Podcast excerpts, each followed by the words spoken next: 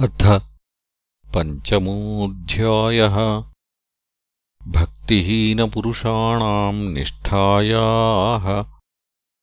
प्रतियुगम् पूजाविधानस्य च भेदवर्णनम्। राजोवाच। भगवन्तम् हरिम् प्रायो न भजन्त्यात्मवित् तमाः तेषामशान्तकामानाम् कानिष्ठा विजितात्मनाम्। चमस उवाच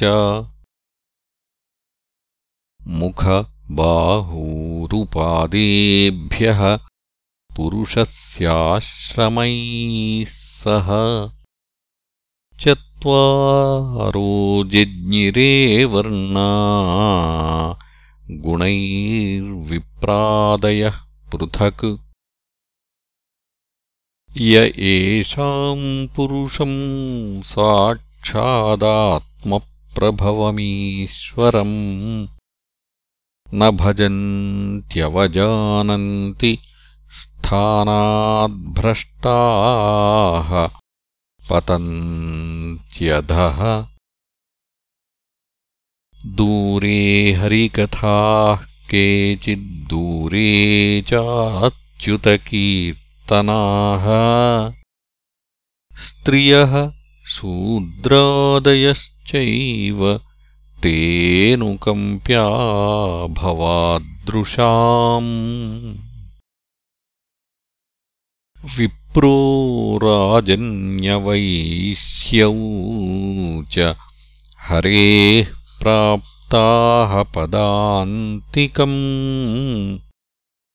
श्रौतेन जन्मनाथापि मुह्यन्त्याम्नायवादिनः कर्मण्यको विदाः स्तब्धा मूर्खाः पण्डितमानिनः वदन्ति चाटुकान्मूढा यया माध्व्यागिरोत्सुकाः रजसा घोरसङ्कल्पाः कामुका अहिमन्यवः दाम्भिका मानिनः पापा विहसन्त्यच्युतप्रियान्। वदन्ति तेऽन्योन्यमुपासितस्त्रियो गृहेषु मैथुन्यपरेषु चाशिषः। यजन्त्यसृष्ट विधानदक्षिणम् वृत्त्यै परम् घ्नन्ति पशून तद्विदः श्रिया विभूत्याभिजनेन विद्यया त्यागेन रूपेण बलेन कर्मणा जातस्मयेनान्धधियः सहेश्वरान् सतोऽवमन्यन्ति हरिप्रियान् खलाः। सर्वेषु शश्वत्तनुभृत्स्वस्थितम् यथा खमात्मानमभीष्टमीश्वरम् वेदोपगीतम् च न शृण्वते बुधाः। मनोरथानाम् प्रवदन्ति वार्तया। लोके व्यवायामिषमद्यसेवाः नित्यास्तु जन्तोः न हि तत्र चोदना व्यवस्थितिस्तेषु विवाहयज्ञः सुराग्रहैः आसु निवृत्तिरिष्टा धनम् च धर्मैकफलम् यतो वै ज्ञानम् सविज्ञानमनुप्रशान्ति गृहेषु युञ्जन्ति कलेबरस्य मृत्युम् न पश्यन्ति दुरन्तवीर्यम्। यद्घ्राणभक्षो विहितः सुरायाः तथा पशोरालभनम् न हिंसा। एवम् व्यवायः प्रजया न रत्या इमम् विशुद्धम् न विदुः स्वधर्मम्। ये त्वनैवम् विदोसन्तः स्तब्धाः सदभिमानिनः। पशून् द्रुह्यन्ति विस्रब्धाः प्रेत्य खादन्ति ते च तान्। द्विषन्तः परकायेषु स्वात्मानम् हरिमीश्वरम्। मृतके सानुबन्धेऽस्मिन् बद्धस्नेहाः पतन्त्यधः ये कैवल्यमसम्प्राप्ताः ये चातीताश्च मूढताम्। त्रैवर्गिका ह्यक्षणिका आत्मानम् घातयन्ति ते। एत आत्महनोशान्ताः अज्ञाने ज्ञानमानिनः। सीदन्त्य कृतकृत्या वै कालध्वस्तमनोरथाः।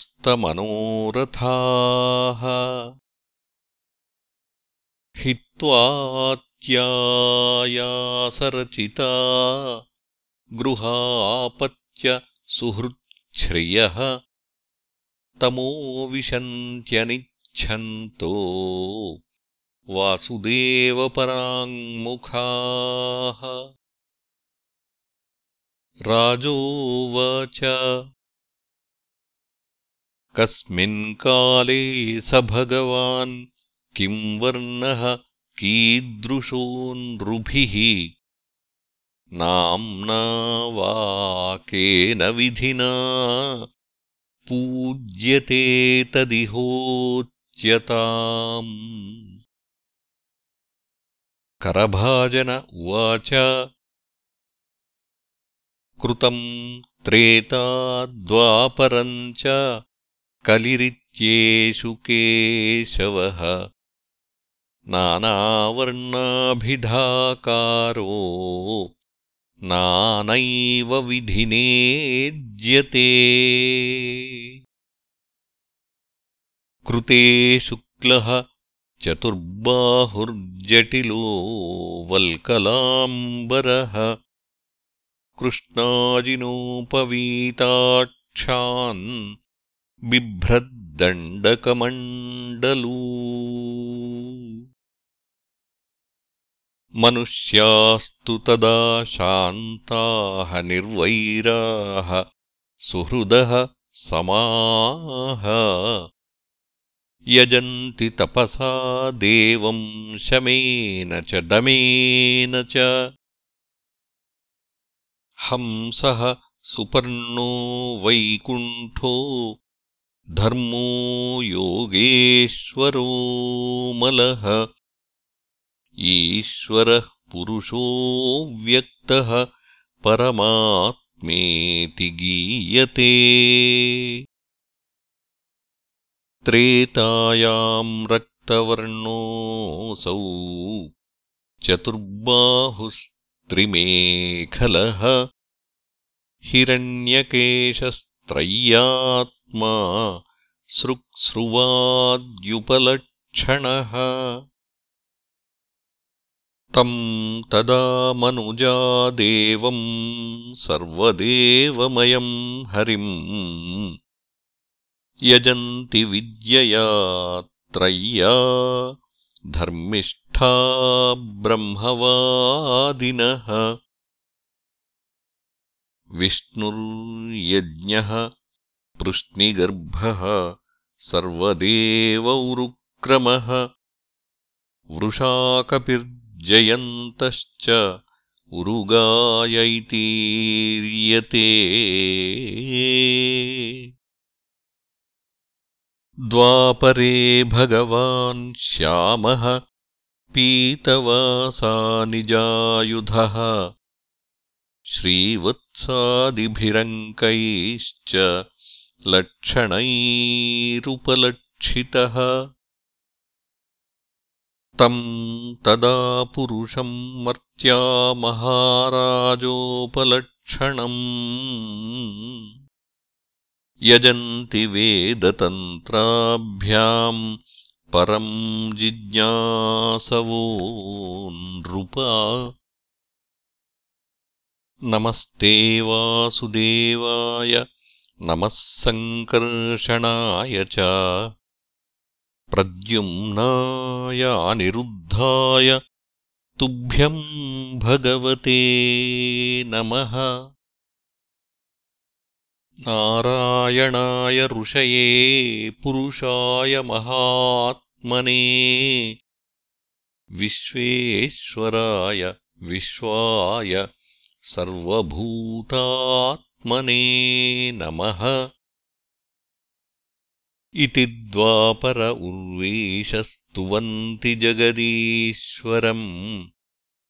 नानातन्त्रविधानेन कलावपि यथा शृणु। कृष्णवर्णम् त्विषाकृष्णम् साङ्गोपाङ्गास्त्रपार्षदम् यज्ञैः सङ्कीर्तनप्रायैर्यजन्ति सुमेधसः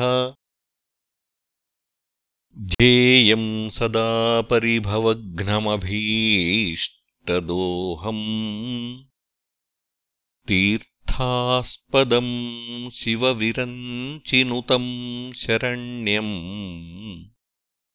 भृत्यार्तिहम् प्रणतपालभवाब्धिपोतम्। वन्दे महापुरुषते चरणारविन्दम् त्यक्त्वा सुदुस्त्यजसुरेप्सितराज्यलक्ष्मीम् धर्मिष्ठ आर्यवचसा यदगादरण्यम् मायामृगम् दयितयेप्सितमन्वधावद् वन्दे महापुरुष ते चरणारविन्दम् एवम् युगानुरूपाभ्याम् भगवान् युगवर्तिभिः मनुजैरिज्यते राजन् श्रेयसामीश्वरो हरिः। कलिम् सभाजयन्त्यार्या गुणज्ञाः सारभागिनः। यत्र सङ्कीर्तनेनैन सर्वः स्वार्थोऽभिलभ्यते। न ह्यतः परमोलाभो देहिनाम् भ्राम्यतामिह। यतो विन्देतपरमाम् शान्तिम् नश्यति संसृतिः कृतादिषु प्रजाराजन् कलाविच्छन्ति सम्भवम्। कलौ खलु भविष्यन्ति नारायणपरायणाः। क्वचित् क्वचिन्महाराजद्रविलेषु च भूरिशः ताम्रपर्णी नदी यत्र कृतमालापयस्विनी कावेरी च महापुण्या प्रतीची च महानदी। ये पिबन्ति जलम् तासाम् मनुजा मनुजेश्वर प्रायो भक्ता भगवति वासुदेवे मलाशयाः देवर्षिभूताप्तनृणाम् पितॄणाम् न किङ्करो नायमृणी च राजन्। सर्वात्मना यः शरणम् शरण्यम् गतो मुकुन्दम् परिहृत्य कर्तम्। स्वपादमूलम् भजतः प्रियस्य त्यक्तान्यभावस्य हरिः परेशः। विकर्मयच्चोत्पतितम् कथञ्चिद्। धुनोति सर्वम् हृदि सन्निविष्टः। नारद उवाच धर्मान् भागवतानित्थम् श्रुत्वाथमिथिलेश्वरः जायन्ते यान्मुनीन् प्रीतः सोपाध्यायो ह्यपूजयतु। ततोऽन्तर्दधिरे सिद्धाः सर्वलोकस्य पश्यतः। राजा धर्मानुपातिष्ठन्नवापपरमाम् गतिम् त्वमप्येतान् महाभागधर्मान् भागवतान् श्रुतान् आस्थितः श्रद्धया युक्तो निःसङ्गो यास्यसे परम्। युवयोः खलु दम्पत्योर्यशसा पूरितम् जगत्। पुत्रतामगमद्यद्वाम् भगवानीश्वरो हरिः। दर्शनालिङ्गनालापैः शयनासनभोजनैः आत्मा वाम् पावितः कृष्णे पुत्रस्नेहम् प्रकुर्वतोः। वैरेण यम् नृपतयः शिशुपालपौण्ड्रसाल्वादयो गतिविलासविलोकनाद्यैः ध्यायन्त आकृतधियः शयनासनादौ। तत्साम्यमापुरनुरक्तधियाम् पुनः किम्? मापत्यबुद्धिमकृथाः कृष्णे सर्वात्मनीश्वरे। मायामनुष्यभावेन गूढैश्वर्ये परेव्यये भूभारासुरराजन्यहन्तवे गुप्तये सताम्। अवतीर्णस्य निर्वृत्यै यशो लोके वितन्यते।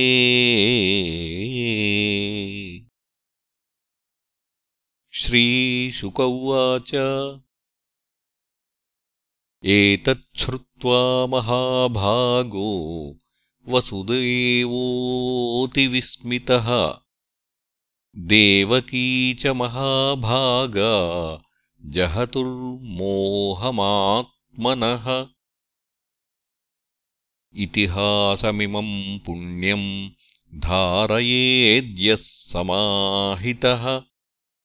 स विधूयेह शमलम् ब्रह्मभूयाय कल्पते। इति श्रीमद्भागवते महापुराणे पारमहंस्याम् संहितायाम् एकादशस्कन्धे पञ्चमोऽध्यायः